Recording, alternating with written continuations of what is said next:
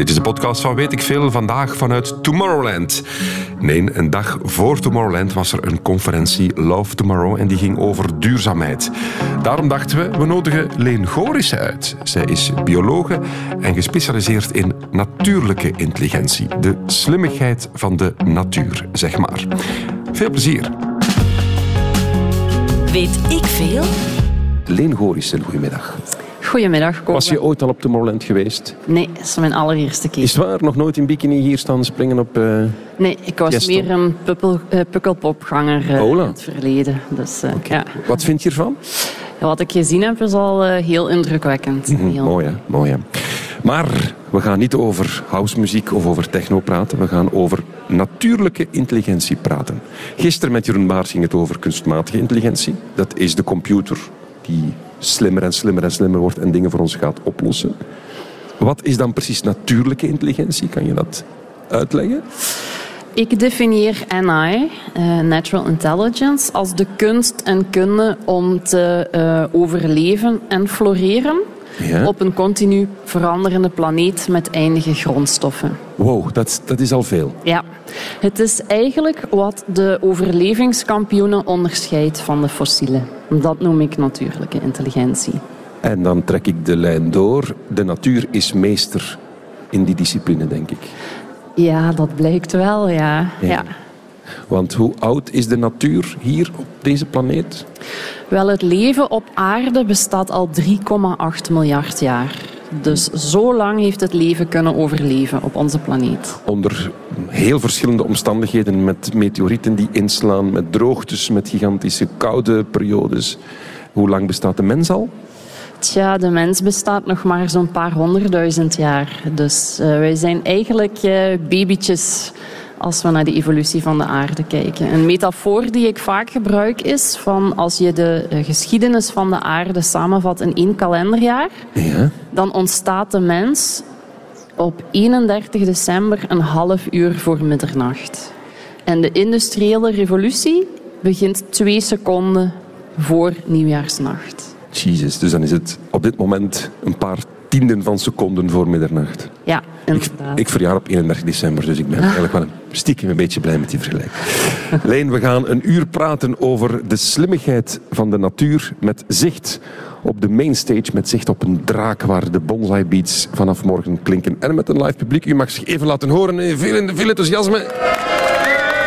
Ah. Moeten we zoiets hey ho doen? Oh, nee, dat is voor morgen. Dat is, dat is voor morgen. Leen, als ik het goed heb, zijn walvissen goed voor het klimaat. Ja, dat klopt. Vertel, wat doet de walvis om ons klimaat te verbeteren? Wel, de walvis is eigenlijk een van de ehm, meeste caretakers, zoals ze in het Engels zeggen, van gezond plankton. Plankton zo- zijn hele kleine microscopische wezentjes die eh, leven in de bovenste laag van de oceaan. En die slaan CO2 op uit de lucht. En die pro- produceren ook de helft van al het zuurstof op aarde. Ah, ik dacht dat dat de bomen waren. Nee, het plankton produceert dus ook de helft van al ons zuurstof op de aarde. En zonder walvissen hebben we geen gezond plankton. Dus omdat die plankton zoveel miljarden tonnen eh, koolstof afvangen uit de atmosfeer elk jaar, helpen walvissen dus met hun gedrag het klimaat te koelen. Wacht, want eh, walvissen eten dat plankton op. Dus Ja, verminderen het plankton.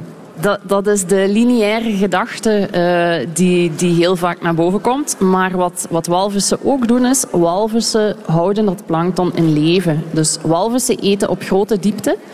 Maar om te ademen moeten ze naar de oppervlakte. En daar gaan ze eigenlijk ook naar het toilet. Dus het is de walvissen kakka die eigenlijk de, ehm, ja, de meststoffen geeft. Waardoor dat, dat plankton zich kan vermenigvuldigen.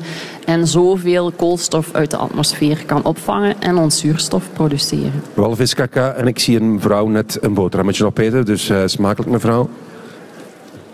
Tijdens de lunch kan het eens over kak gaan, hè, nietwaar? Ja. Dus die, die uitwerpselen zorgen ervoor dat het plankton kan groeien, Ja. aangroeien. Ja. En dat wordt dan weer opgegeten en dat worden weer uitwerpselen. En zo is het een gesloten cirkel.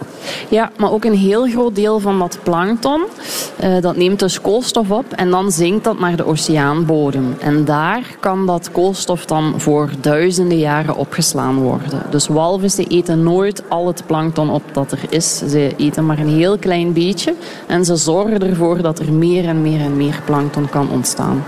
Eh, is dat hetzelfde principe als, als, de, als de, een boom dat doet? CO2 uit de lucht halen?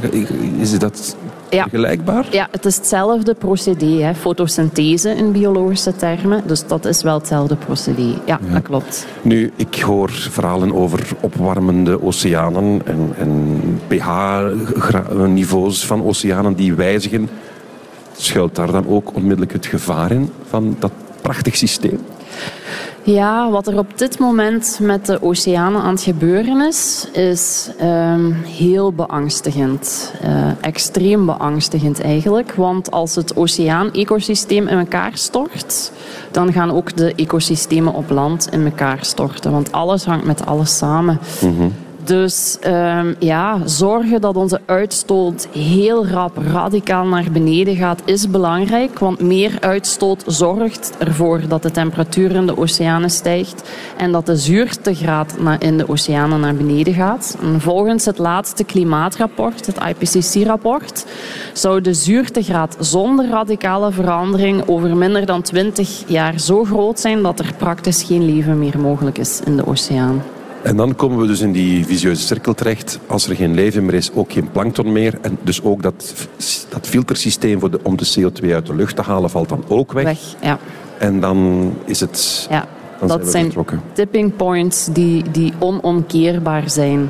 Mhm. Ehm, en ja, ook het- de helft van ons zuurstof zou wegvallen als dat heel systeem eh, in elkaar stort in de oceaan. Ja. Dus radicale verandering is echt nodig. En niet binnen tien jaar, maar nu.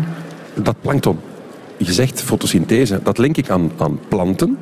Ja. Plankton zijn toch diertjes, of vergis ik mij daarin? Wat is, of is dat zo'n soort grijze zone? Wel, plankton is eigenlijk een verzamelnaam voor fytoplankton. Dat zijn de plantaardige deeltjes daarvan, die dus ook aan fotosynthese doen, zoals planten. Maar je hebt ook eh, dierlijk plankton. Ehm, en dat is eerder het plankton dat de walvissen het liefst eten. Dus plankton is een soort verzamelnaam voor Ja. hele kleine wezentjes in, in Ja. de oceanen. Inderdaad, dat klopt. Ja. Hoeveel kilogram, hoeveel ton eet een walvis? Enig idee? Goh, dat, dat zou ik moeten opzoeken, dat weet ik niet. Dat, eh, buiten. dat moet Nee. gigantisch zijn. Ja. Wel goed nieuws, overlaatst in de krant gelezen, de walvispopulatie doet het goed. Ja, meer nog. Ehm, het Internationaal Monetair Fonds heeft een studie gedaan en gezien dat eigenlijk als we de eh walvispopulaties zouden kunnen herstellen tot voor de commerciële eh, walvisvangst, dus de aantallen van voordat we ze zijn beginnen te killen, ehm, dat zou onze meest efficiënte klimaatoplossing zijn die we hebben vandaag. Maar dan Gewoon hebben we- zorgen dat de walvissen terug kunnen floreren. ja, ja, maar dan hebben we wel gezonde oceanen nodig. Dus dat wil zeggen dat we moeten stoppen met alle toxische stoffen die uiteindelijk in de oceaan terechtkomen. Eh, plastic. Spontaan. plastic, maar ook alle eh, toxische stoffen uit de landbouw eindigen uiteindelijk in de oceaan. Zelfs alles uit de farmaceutische industrie. Eh, je shampoo, je afwasmiddel, als het eh, synthetisch is en dus niet gebaseerd op nu- natuurlijke ingrediënten, dan Ja. vernietigt het uiteindelijk het oceaanleven. Klopt het dat zelfs zonnecrème een impact heeft? Goh, zonnecrème is zelfs een van de meest toxische dingen die er bestaat voor het leven onder water.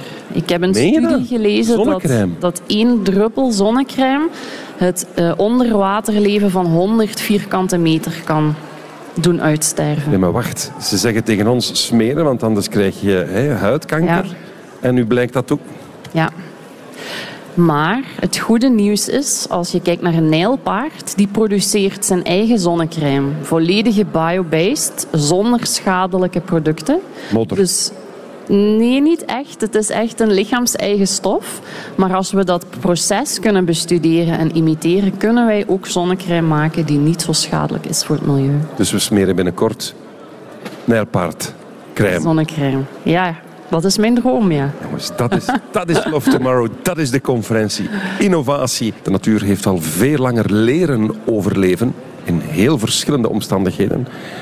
En is dus misschien wel een pak slimmer dan wij. Mogen we dat eigenlijk zeggen? Ja, volgens mij wel, ja. Ja? Ja, ja. Want de mens schat zichzelf heel hoog in, on top of the food chain, ook qua intelligentie, denk ik. Ja. Zijn we dat dan eigenlijk niet? Ik denk dat een walvis ontzettend veel intelligenter is dan onze meest slimme mens. Want zij gaan al miljoenen jaren mee. De mens, als we zo voordoen, zijn wij binnenkort fossiel. En dan waren wij maar een bliep in de eh, geschiedenis van de aarde. Is, zijn dat nu niet net de boodschappen waar heel veel mensen moeite mee hebben van ja jongens, met die duurzaamheid slaat ons toch niet constant en, en met de, wat, wat je nu zegt, de mens gaat verdwijnen. Moeten we daar ook niet mee oppassen met al die doemscenario's? Of Wel, het is niet plezant om te horen, maar de wetenschap toont het wel aan. Ik ken geen enkele ecoloog of klimaatwetenschapper die nu niet heel erg extreem bezorgd is voor wat er aan het gebeuren is. Uh, wat we niet mogen laten doen is ons dat verlammen, laten verlammen. Want er is eigenlijk alle intelligentie die we nodig hebben om met de juiste oplossingen te komen, die is er al. Alleen kijken we daarvoor naar de verkeerde dingen. We denken dat wij regen kunnen maken, maar eigenlijk maken paddenstoelen al miljoenen jaren regen. Wacht. Ja. Want hier is ook een paddenstoelen stage. Ja. Ziet er heel tof uit. Paddenstoelen maken regen. Ja. Hoe? Paddenstoelen hebben vocht nodig om te kunnen groeien. En zij hebben een heel vernuftig systeem ontwikkeld om hun sporen uh, vrij te zetten. Die sporen die zitten in de paddenstoel op een soort van stoeltje. En die sporen trekken waterdamp aan. En als die heel veel waterdamp hebben aangetrokken, vormt zich een druppel die glijdt van die spoor af. En dat is het mechanisme dat dat spoor vrijzet. Nu, elk jaar gaan miljoenen tonnen sporen naar de atmosfeer met de opstijgende lucht. En daar doen die eigenlijk een beetje hetzelfde. Ze trekken waterdamp aan en ze maken druppels. Dus paddenstoelen die vocht nodig hebben, maken regen voor de toekomstige generaties van paddenstoelen. Wacht, de, wat, wat? Sporen, dat, dat zijn de dingen... De zaadjes. De zaadjes, Ja. waar, Ja. waar, waar, waar paddenstoelen zich mee ver- ver- vermenigvuldigen. Ja. Ja, die, die gaan in de lucht. ja. Die Ja. stijgen zo hoog, Dat ze in de atmosfeer komen en daar maken ze wolken en regen. daar trekken ze als een spons water uit de lucht of, of waterdamp, moleculen, ja. waterdamp. Ja, En op het moment dat het zo zwaar wordt, valt het naar beneden. als regen. Ja. En zo verspreiden ze zich ook. Inderdaad, maar nog meer, zo investeren ze in de toekomst van de volgende generaties. Want zonder regen kunnen paddenstoelen niet leven. En dat is, dat is de essentie van natuurlijke intelligentie. Laat de planeet beter en gezonder achter dan dat je ze gevonden hebt. Dat is wel heel slim om uw eigen grondstof zelf te gaan halen. Inderdaad. Wat ze eigenlijk doen dan. Ja, ja. Hoe kunnen we dan zorgen dat we veel paddenstoelen hebben? In de tuin bijvoorbeeld? Wel, ehm, door de natuur zijn gang te laten gaan. Want de paddenstoelen komen vanzelf. Eh, wij zijn nogal geneigd om heel fel aan beheersing te willen doen. Van, eh, we willen een proper gazonnetje en, en niet te veel blaadjes. Ehm, en ja, als de zon te hard schijnt, een, een gazon droogt uit en al het, eh het fungi-leven, het paddenstoelenleven wat onder de grond zich voornamelijk bevindt, gaat dood. Dus gewoon zorgen dat de natuur eigenlijk de vrije loop krijgt in je tuin. En de, de mieren toelaten, want mieren brengen de paddenstoelenzaadjes mee. Want die kweken ook hun eigen paddenstoelen in, in hun mierenkolonies. En dan kan dat Wood Wide Web, het internet van voor onze tijd zich eh, ja, in je bodem eh, vestigen.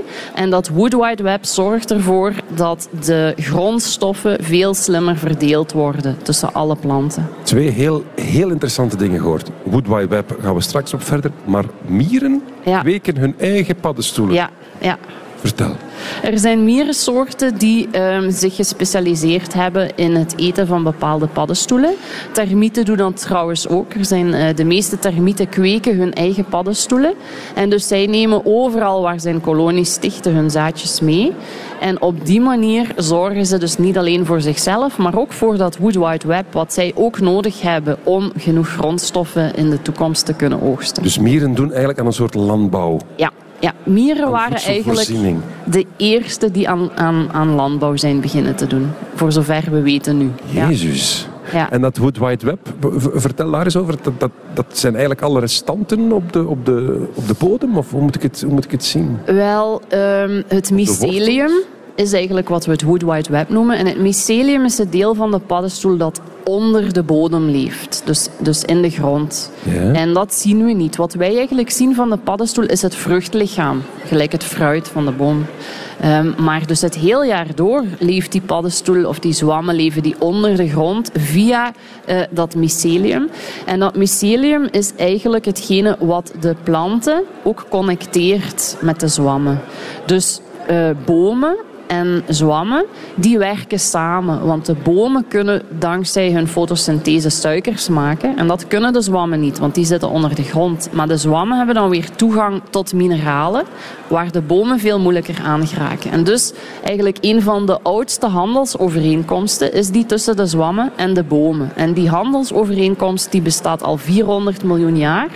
En die handelsovereenkomst die laat de wereld beter achter. Want ze zorgt ervoor dat er zuurstof is, dat er medicijnen zijn, dat er uh, uh, brandstof en bouwmateriaal is en voedsel ja. is voor ons.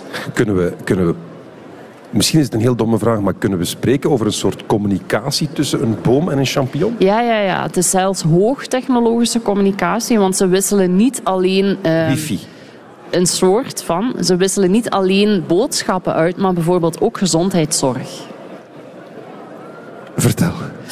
Um, als bijvoorbeeld een boom wordt aangevallen door een bepaald insect, dan zendt die boom signalen uit via dat Wood Wide Web onder de grond. En de zwammen helpen om die signalen te verspreiden naar alle omliggende bomen. En die omliggende bomen die reageren dan met het uitzenden van een signaal dat de predator van dat specifiek insect aantrekt. Dus omdat je hele community zit te roepen van ja, we hebben nu de specht nodig, want daar zit een soort van kever in die boom. Ja, ja dan is de kans veel groter dat die specht dat signaal hoort en dat hij dus dat kevertje kan gaan opeten. Echt waar? Ja, zo werkt het. Wauw. Het Wide Web, ja. Het ja. me heel hard denken aan de, de films Avatar. Ken je die? Ja, ja, ja. Dat, dat heeft ook de filosofie dat je jezelf, die wezens, ja. ben de naam kwijt van die dat die zich kunnen met hun staart echt verbinden met het netwerk. Ja, de mother tree. Ja, ja voilà. Dat is eigenlijk iets gelijkaardigs. Ja, ja klopt. Ja. Jongens, we leren bij op Tomorrowland, hè. Echt, de mensen zitten hier met open mond te staren. En het heeft niks met drugs te maken deze keer, heb ik de indruk. Waarom geef jij geen biologieles in de scholen? Want dit maakt de natuur toch veel interessanter dan bestuderen welke klassen er allemaal zijn. En nee, dit is toch wat, ja. dat, wat dat de natuur wonderlijk maakt. Wat je net verteld hebt over die, die paddenstoelen en die bomen die met elkaar praten. En wat is het allemaal? Wel ja, eh, stel je voor dat we onze kinderen biologie geven op die manier. Ehm, ik zie mijn rol eerder om mensen uit de bedrijfswereld mee te nemen. Mhm. Omdat er weinig tijd is om echt de transitie te maken.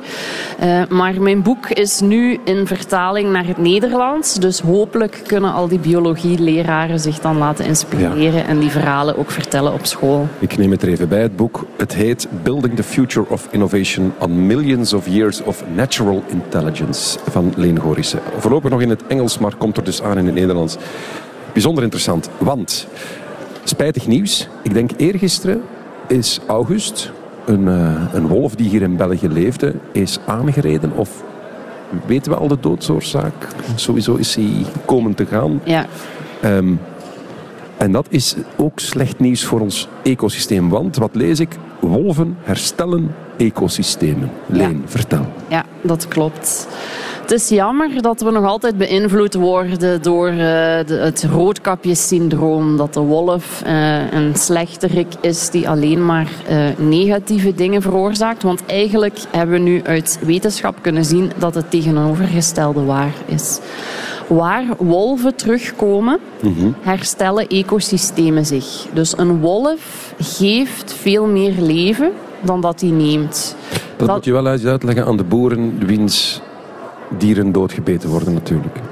Ja, maar er zijn maatregelen, er zijn subsidies om je dieren te beschermen tegen de wolf. Ehm, het goede nieuws is dat ook de gezondheid van de boer erop vooruit gaat als de wolven terugkomen. Want weinig mensen weten dit, maar in jouw menselijke lichaam zitten meer niet-menselijke cellen dan menselijke cellen. Dus eigenlijk ben jij zelf ook al een ecosysteem.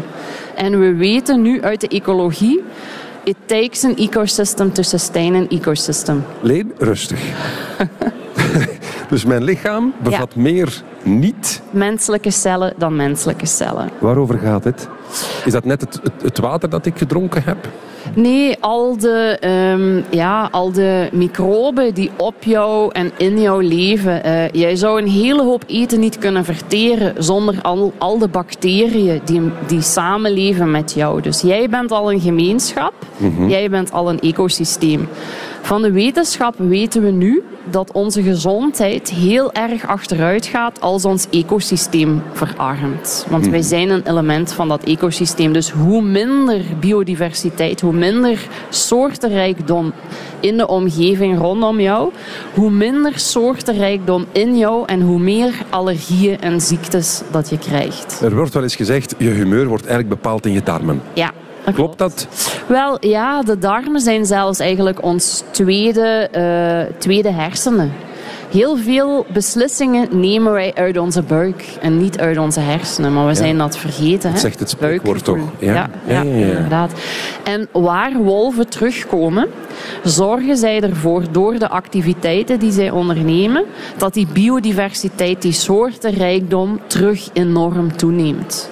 Dus wolven in je buurt hebben is goed voor je gezondheid. Maar hoe, hoe doen ze dat dan precies? Is, zoals we hebben twee weken geleden over de jacht gepraat. Ja. Is het een beetje dat? De, de jager die zegt, ja, maar wij herstellen eigenlijk ecosystemen. We merken dat er te veel zieke konijnen zijn, dus gaan we ze schieten. Ja. En dan kan de gezonde populatie zich beter ontwikkelen. Is, is dat de filosofie wat de wolf ook doet? Uh, nee, want nee. Uh, de mens denkt heel lineair A leidt tot B. Wat de wolf doet is, de wolf speelt gewoon zijn rol van balans te brengen in een ecosysteem. En het Yellowstone-project uh, uh, is een heel mooi voorbeeld. Wolven waren daar meer dan 100 jaar verdwenen. En het ecosysteem was enorm aan het degraderen, omdat de herten te veel bomen wegvraten, hè, die overgraasden. Dus ja, de menselijke eerste intentie is: we gaan daar jagers op zetten en we gaan die hertenpopulatie naar beneden brengen. Maar toch bleef dat ecosysteem degraderen. Totdat één ecoloog zei: laten we de wolf eens terugbrengen. En wat veranderde er? Niet zozeer dat die wolf heel veel herten opeet, maar het gedrag van de herten veranderen. Dus herten blijven veel minder lang op dezelfde plek, waardoor ze niet meer overgrazen. En dat is iets wat wij als jagers, de menselijke jagers, niet kunnen bereiken. Dus die wolf is gewoon een substantieel deel van een gezond ecosysteem. Gewoon het feit dat dat hert weet, zeg ik tussen aanhalingstekens, want dat, die psychologie van een hert is nog niet bestudeerd, denk ik, maar bon, het feit dat het hert beseft dat er wolven in de buurt, dat er gevaar dreigt, gaan ze minder lang aan diezelfde boom knabbelen. Ja. Waardoor die boom zich beter herstelt ja. of minder schade oploopt ja. en het ecosysteem gezonder wordt. Inderdaad. Dus die herten die, die ruiken en die voelen dat er predator, dat de wolf aanwezig is.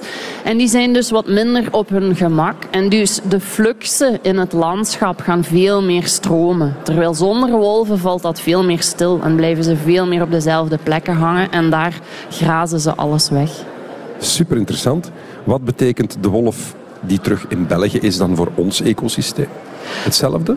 Ja, volgens mij wel. Want de wolf is de brenger van balans. Um, ik denk dat we in België weinig ecosystemen hebben die nog gezond zijn. Dus de meeste van onze uh, ecosystemen zijn gedegradeerd. En dat is net de rol van de wolf. Daarom komt hij ook terug naar hier. Want jongen, dit is toch geen leuke plek voor een wolf. Uh, met al die auto's. Oh, wacht, wacht, wacht, wacht. Het feit dat de wolf hier is, is toch teken dat het wel een goed ecosysteem is. Hij gaat toch niet naar hier komen als een soort moeder Teresa van we gaan een keer in België gaan helpen? Ja, dat is een goede vraag. We kunnen niet in de wolf zijn hoofd kijken. Nee, maar een dier gaat toch enkel op een plek zich vestigen als hij weet dat er voeding is, dat, er, dat, dat, er, dat het veilig is? Nee? Of ben ik nu ja, dat is de vraag. Dat is wat wij als mensen denken. Mhm. Maar evenzeer zou de wolf kunnen denken van ik moet naar daar, want die ecosystemen zijn zo aan het verarmen dat er binnenkort nergens meer bossen zijn waar wolvenjongen kunnen overleven. Dus misschien komt hij ook gewoon omdat hij weet dat hij hier zijn rol te spelen heeft. Dat het een soort instinct is dat hij aanvoelt van dat systeem is aan het verarmen, ik ga daar mijn ding doen. Ja. Dat kunnen we niet bewijzen. Dat kunnen we niet bewijzen. Maar dat is een theorie die wel degelijk leeft. Wel, ja, die even valabel is als de andere theorieën. Dus het is aan ons om ze te bestuderen en ehm, ja, uit te zoeken of dat klopt. Nu, mhm. feit is... Ehm, Vlaanderen is uh, het minst bebost, meest dens bewoond gebied van heel Europa. Dus als ik een wolf zou zijn, zou ik niet hier willen komen om het te vestigen. En toch doen ze dat.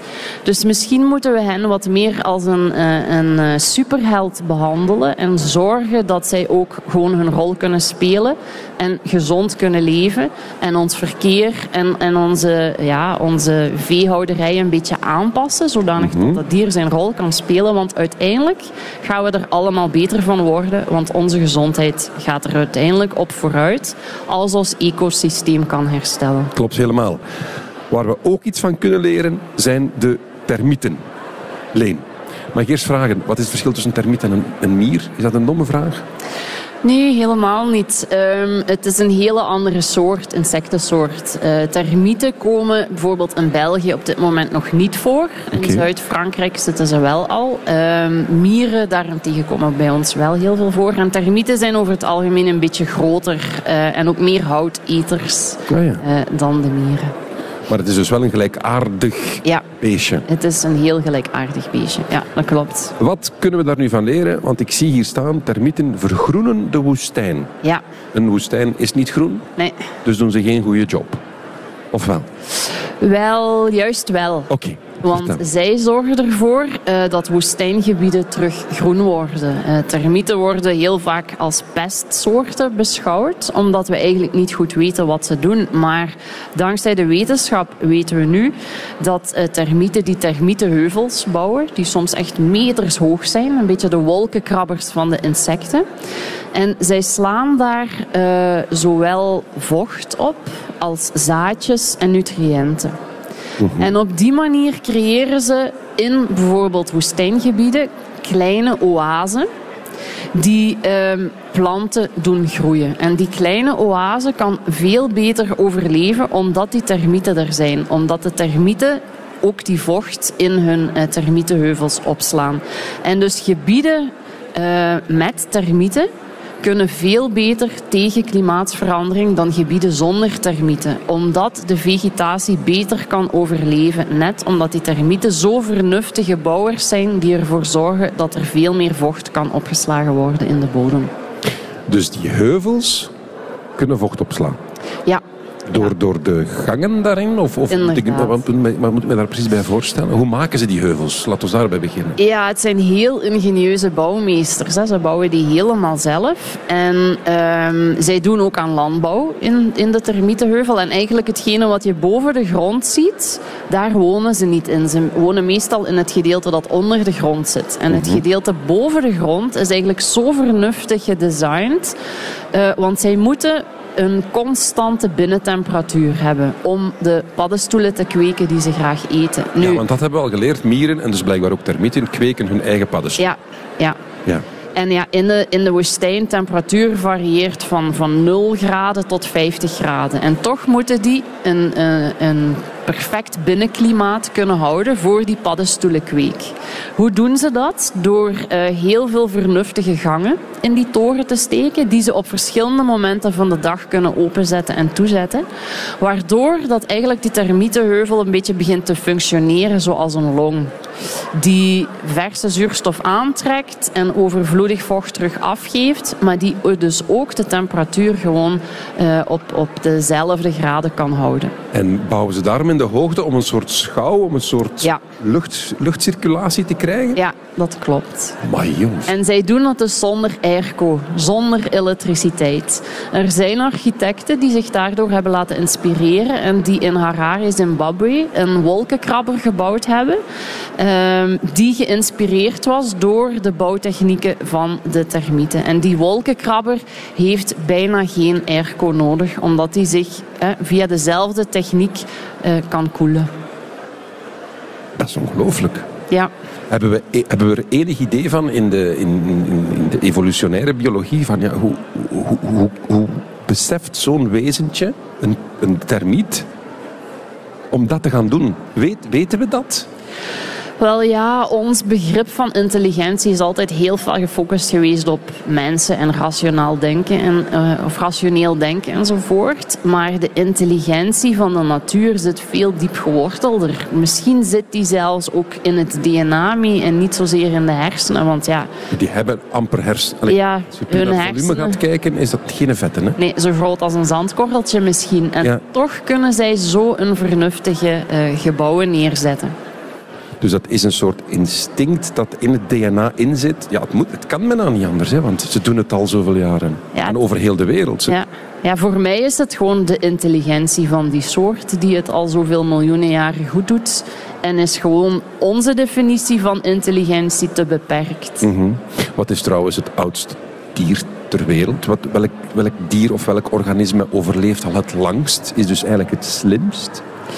Wel, de virussen zijn bijvoorbeeld nog ouder dan de termieten. Die zijn eh, al, al veel miljoenen jaren ouder. Ehm, Ja. Het leven is wel ontstaan in de oceaan. Dus de alleroudste organismen die komen in de oceaan voor. Dus misschien ook de allerslimste.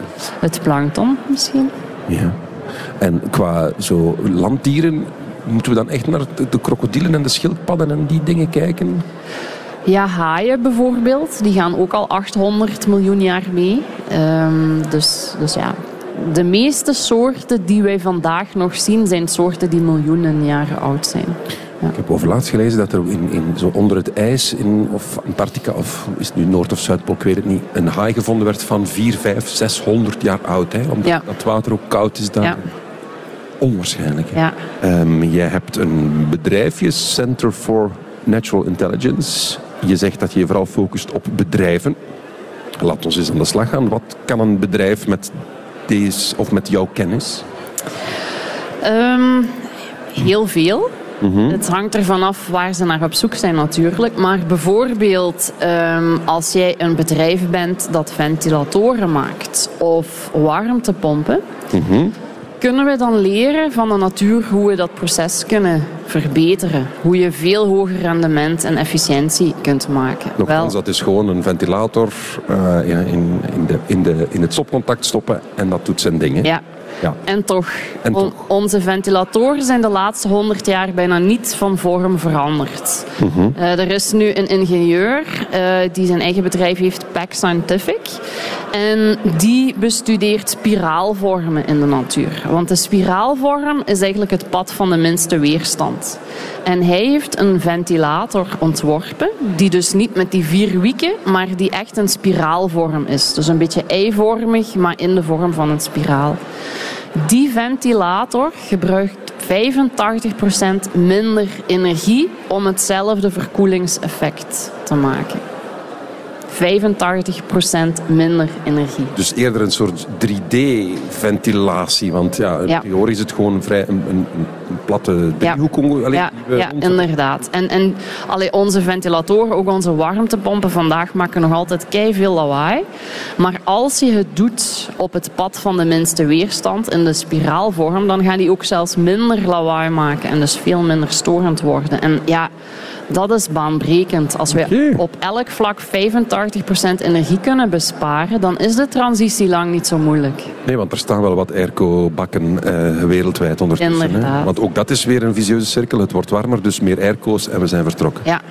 Ehm, wat ik me altijd heb afgevraagd, kunnen we niks leren van die, die spinnen? Ja. Die maken die prachtige spinnenwebben, Ja. wat eigenlijk kunstwerken zijn. Ja. Dat is naar het schijnt heel sterk materiaal. Ja. Kunnen we daar iets mee? Wel, spinnenweb is sterker dan Kevlar. En Kevlar is eh, het sterkste materiaal dat wij als mens al hebben kunnen maken. Kogelvrije vesten, Ja, Kevlar, hè? Inderdaad. Maar spinnenrag is sterker. En spinnenrag is gemaakt op kamertemperatuur van dode vliegen en water. als grondstof. Ja. Ah ja, inderdaad. En dus je hebt geen chemische procedés van heat, beat en treat nodig. Je hebt eh, geen hoge temperaturen. Als we gewoon dat procedé kunnen kraken van de spin, wat een bedrijfje dat Spintex heet, eh, gedaan heeft. En dus in plaats van plastic vezels, spinnenragvezels maken. Dan opnieuw kun je tot duizend keer minder ehm, energie verbruiken. Dan het gangbare eh, procedé om plastic vezels te maken. Komt er een dag dat we, dat we spinnenwebkledij dragen? Of, of veiligheidskledij? Ik hoop het wel. Ja, het zou geweldig Ja. zijn. Ja. Ehm, van cactussen kunnen we ook nog iets eh, leren. Ja, dat klopt. Vertel. Wel, eh, de mensen in het zuiden van Europa die zitten al, al weken met echt gigantisch hoge temperaturen. Eh, de airco moet daar volle bak op staan. Wel, padden, ehm, eh, cactussen die leven in de woestijn waar het ook 50 graden wordt. Klopt. En die hebben een heel vernuftig systeem ontworpen om zichzelf te koelen. En dat is eigenlijk door die ribben op de buitenkant. Huh? Want door die ribben zorgt een cactus ervoor dat de helft van hem altijd in de schaduw staat.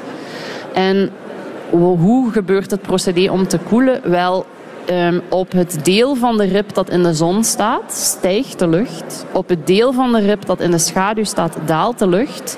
En dus is er continu een ventilatie die die cactus koelt. Dus als wij dat zouden kunnen eh, nabootsen in onze gevelbekleding, dan hebben we geen extra eh, elektriciteit nodig voor al die airconditionings. Dan kunnen we onze huizen door de slimme vorm die we van de cactus geleerd hebben koel houden. Leen, ik heb vandaag heel veel geleerd. We moeten misschien inderdaad wat meer naar de natuur kijken. Hoe zij het doen.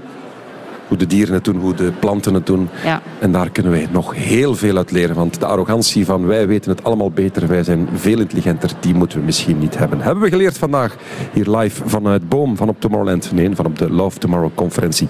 Leen, zeer bedankt. Weet ik veel. Dit was de podcast van Weet ik Veel over natuurlijke intelligentie. Maar er is nog zoveel meer. Alles vindt u terug op VRT Max. Weet ik veel?